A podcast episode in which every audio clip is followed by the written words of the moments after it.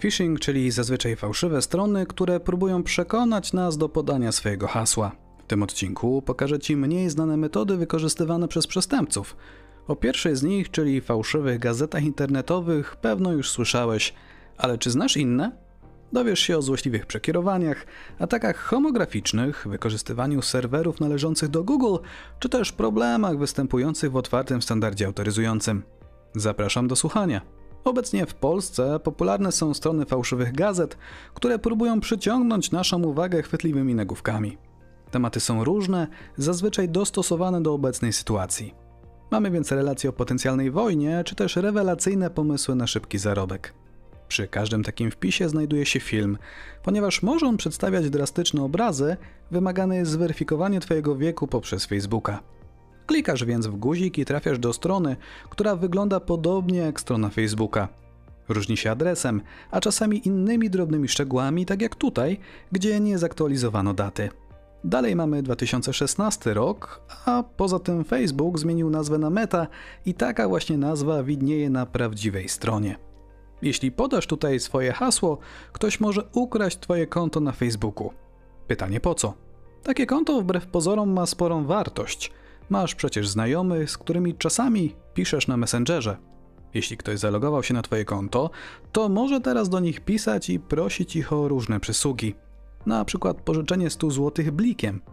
Zakładając, że masz 100 znajomych i co piąty się zgodzi, to 20 razy 100 zł daje 2000 zarobku na czysto.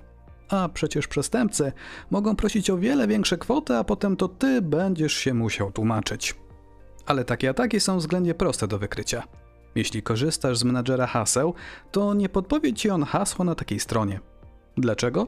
Bo gdy dodawałeś to hasło do menadżera, to byłeś na innej stronie z innym adresem. Jeśli zmienił się adres strony, to menadżer nie podpowiada hasła. To pierwsze ostrzeżenie, że coś jest nie tak, ale nie zawsze jest tak łatwo. Wyobraź sobie, że otrzymałeś zaproszenie do rozmowy ze swoim przyjacielem z wykorzystaniem aplikacji Google Meet. To popularna usługa komunikacji wideo, ale wiesz, że należy sprawdzać odnośniki w wiadomościach. Najeżdżasz więc myszką na link i widzisz adres, pod który zostaniesz przeniesiony po kliknięciu. Wszystko się zgadza, oficjalny adres google.com. Klikasz więc w link i co? Wyświetla się ostrzeżenie o przekierowaniu. Okazuje się, że ten link wcale nie kierował cię do aplikacji Google Meet, ale na stronę example.com. W tym wypadku Google wyświetliło specjalne ostrzeżenie, aby poinformować użytkownika o tej niespodziewanej sytuacji. Ale nie zawsze jest tak kolorowo. To, co właśnie widziałeś, to tak zwane otwarte przekierowanie. I nie zawsze jest to coś złego. W przeszłości używano tego chociażby do zliczania kliknięć. Wyobraź sobie, że masz wyszukiwarkę. Chcesz monitorować, na które strony wchodzą użytkownicy, używasz więc przekierowania. Po kliknięciu przeglądarka najpierw wysyła żądanie do Twojego serwera. Zapisujesz sobie statystyki, a następnie przenosisz internautę do innej strony, której adres znajdował się w parametrze. Kacper, ale w linku, który podałeś, nie było adresu example.com. Był, tylko zapisany w nieco innym formacie. To tak jak w matematyce. Liczbę 6 możesz zapisać na wiele różnych sposobów. 2 razy 3, 6 razy 1 czy 2 plus 4. Znaki w argumentach możesz podać w inny sposób, wykorzystując specjalne kodowanie. Wtedy każdy znak jest poprzedzony symbolem procenta. W ten sposób można sprawić, że adres, na który chcemy przekierować użytkownika, nie będzie się tak bardzo rzucał w oczy. Otwarte przekierowanie niekoniecznie musi być błędem, wszystko zależy od kontekstu. Wyobraź sobie, że strona Twojego banku posiada taki błąd. Dostajesz maila, a w jego treści link wykorzystujący oficjalny adres banku. Po kliknięciu użytkownik jest przekierowywany pod zupełnie inny adres i ile osób to zauważy? Przecież przed kliknięciem już sprawdzili odnośnik. Jest to też problematyczne dla operatorów poczty internetowej. Złośliwy adres nie występuje tutaj wprost w treści wiadomości. W e-mailu mamy przecież dobry link kierujący nas do Google, a to, że użytkownik jest potem przekierowywany gdzieś indziej, a skąd operator poczty ma o tym wiedzieć? Przestępcy próbują więc znajdować takie strony z dobrą reputacją, które pozwalają na przekierowywanie użytkowników na inne witryny. Na ekranie widzisz mail, tym razem wykorzystujący domenę youtube.com. Stron, które mają taką funkcję jest wiele, a to tylko drobne przykłady. Nieco inne problemy występują w przypadku telefonów komórkowych. Telefony mają względnie niewielkie ekrany i nie zawsze wszystko widać. A po drugie, często korzystamy z nich w pośpiechu, a pośpiech to zły doradca. Popatrz na pasek adresu. Na telefonie jest mały, dłuższe adresy niekoniecznie muszą być widoczne w całości. Jeśli przeglądarka wyświetla tylko początek adresu, to nie wiemy co jest dalej, a to jest problematyczne. Każdy właściciel domeny może tworzyć subdomeny, czyli właściciel domeny example.com może stworzyć subdomenę ciekawostki.example.com, ale może też stworzyć dużo dłuższą subdomenę, przykład facebook.com.example.com. To, że w nazwie jest słowo facebook.com nie oznacza wcale, że połączymy się z serwerami giganta. Liczy się końcówka domeny, czyli example.com, a ta domena nie należy do Facebooka. I właśnie to jest wykorzystywane w atakach na mobilne przeglądarki. Popatrz na przykład. Widzimy tutaj stronę m.facebook.com, a potem sporo znaków pauzy. Jeśli znasz się na komputerach, to pewno cię one zaniepokoją. Ale jeśli się nie znasz, to pewno ich nie zauważysz. Ten początek adresu nic nie znaczy. Jest tam tylko po to, aby zdezorientować użytkownika. To tak jak z iluzjami optycznymi. Jak już wiesz, jak patrzeć na obrazek, to wszystko wydaje się proste, ale co widzisz? Kaczkę czy królika? Telefony czasami wyświetlają też różne komunikaty i ekrany. Dla przykładu iPhone może nas prosić o hasło podczas kupowania aplikacji. Ma to sens. Być może twoje dziecko grając w grę na twoim telefonie przez przypadek kliknęło jakąś ikonkę i teraz jest w trakcie zakupu drogiej aplikacji. Komunikat proszący o hasło jest bardzo prosty. Zwykłe białe okienko, czytelny napis, miejsce na hasło i guzik zaloguj. Dlaczego o tym wspominam? Strony internetowe również wyświetlają różne komunikaty i formularze. Tutaj przykład działania funkcji prompt. Użytkownik może wpisać jakiś tekst i go wysłać. Rozpoznanie, że to komunikat z przeglądarki w tym wypadku jest względnie proste. Ale przecież nic nie stoi na przeszkodzie, aby programista stworzył formularz, który wygląda identycznie jak wcześniej wyświetlany komunikat systemowy. Przecież to prostokąt o zaokrąglonych rogach, dwa zdania formularz oraz niebieski guzik. Dla przeciętnego programisty to tylko chwila roboty.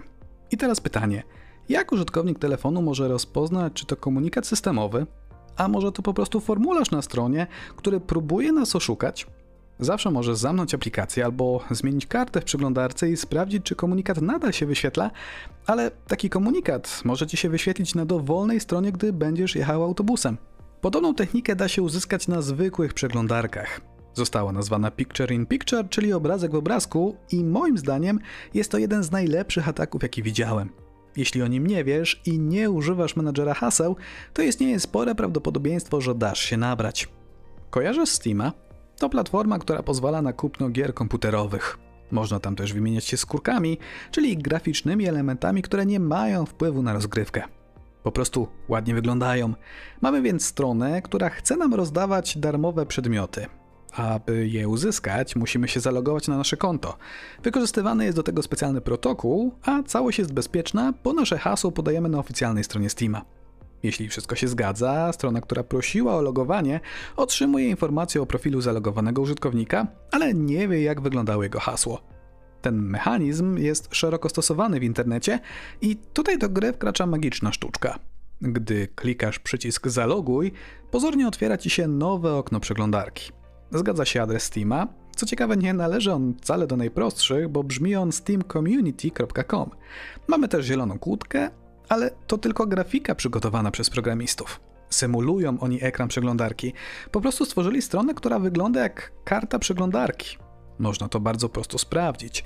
Wystarczy spróbować przeciągnąć to okno poza ekran przeglądarki. Normalnie moglibyśmy to zrobić. System operacyjny nie ogranicza tego, jak organizujemy okna programów, ale tutaj jest to niemożliwe, bo to tylko obrazek, symulacja, ale trzeba przyznać, że bardzo przekonująca.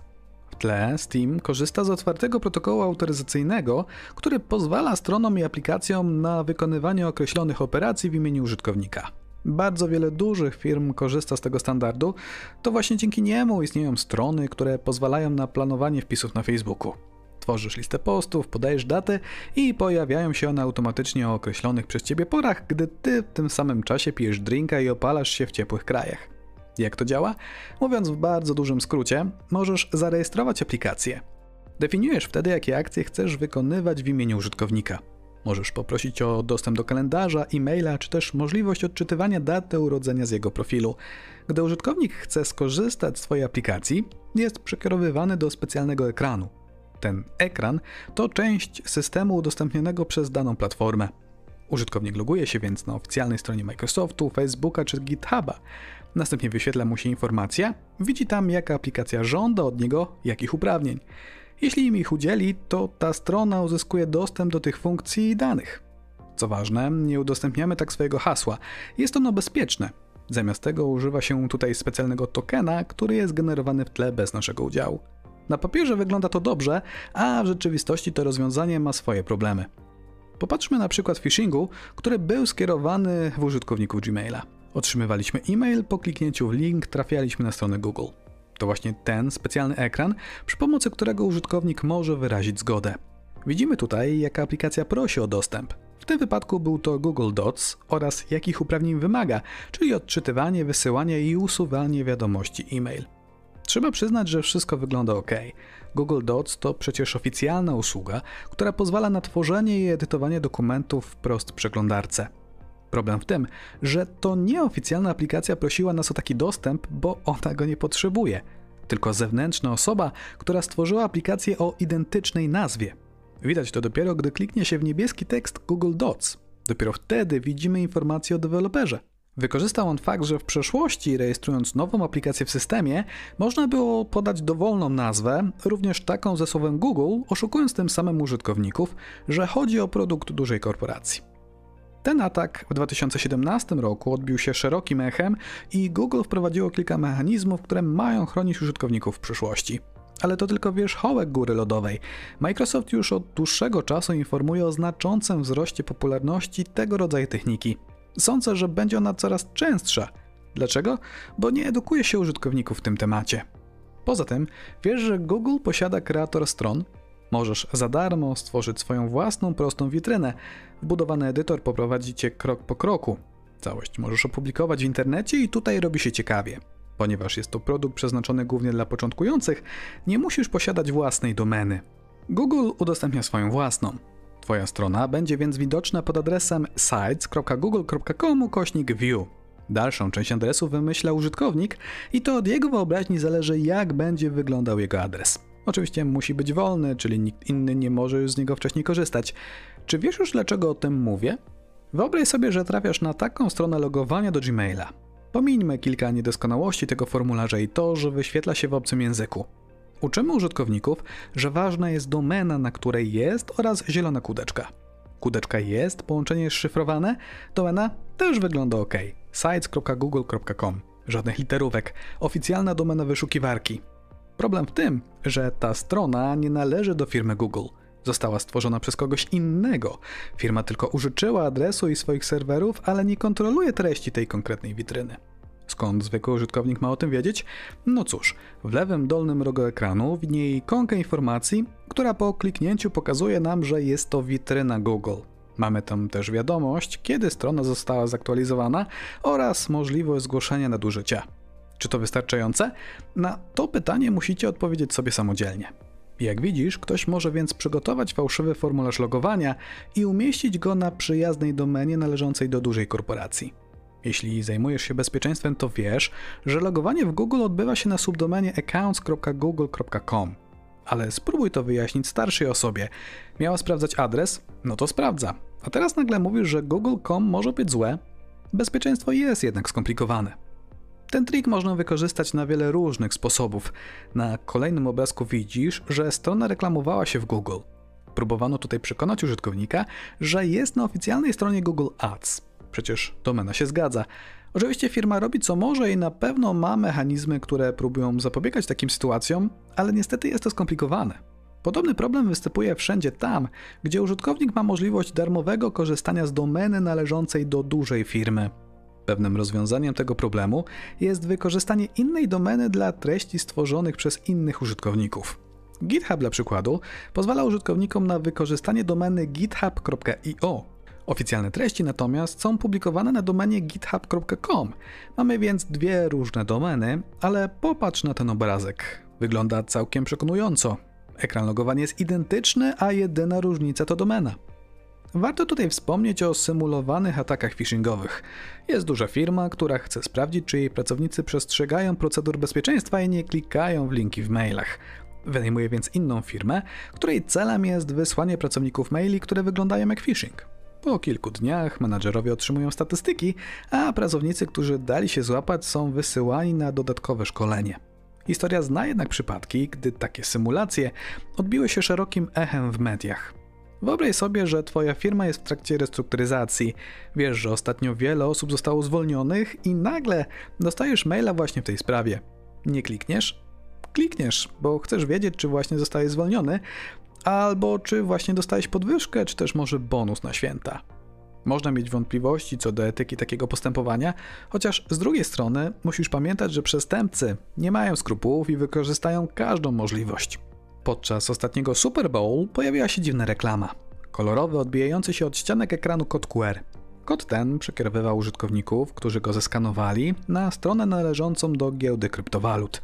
Wywołało to sporą dyskusję na temat bezpieczeństwa kodów QR. Osobiście odnoszę wrażenie, że kody są stygmatyzowane, chociaż działają podobnie jak wyszukiwarki, przenoszą nas do nowych stron. Nie wiemy do jakich, bo nie potrafimy odczytać kodu QR, robią to za nas aplikacje. Powinniśmy się zatem kierować zasadą ograniczonego zaufania. Po prostu nie ufaj stronom, na które wchodzisz dzięki kodom QR. Jeśli trafiłeś tak na stronę logowania do swojego banku, to po prostu zamknij kartę przeglądarki. A ty co sądzisz o kodach QR? Daj znać w komentarzu. Ale pozostając w tym temacie, w Stanach Zjednoczonych na niektórych parkometrach pojawiły się naklejki z kodami QR. Użytkownicy, którzy je zeskanowali, trafiali na stronę przestępców, a nie na oficjalne strony pozwalające na opłatę za postój. Jest pewnie tylko kwestią czasu, jak przestępcy zaczną wykorzystywać tą technikę w Polsce, no bo jak odróżnić oficjalną naklejkę umieszczoną przez władze miasta od tej naklejonej przez kogoś innego nie bardzo się da. Jedyne co, to możemy zweryfikować domenę, na którą zostaniemy przekierowani.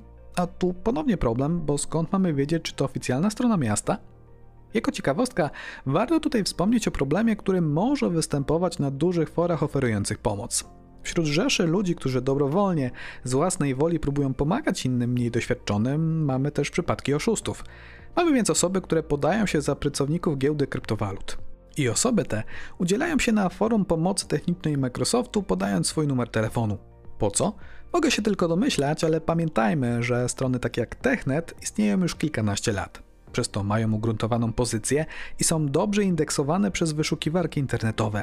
To powoduje, że gdy użytkownik poszukuje kontaktu do pomocy technicznej giełdy kryptowalut, to może przez przypadek natrafić na to ogłoszenie przestępców. Niczego nieświadomy sam zadzwoni do przestępców.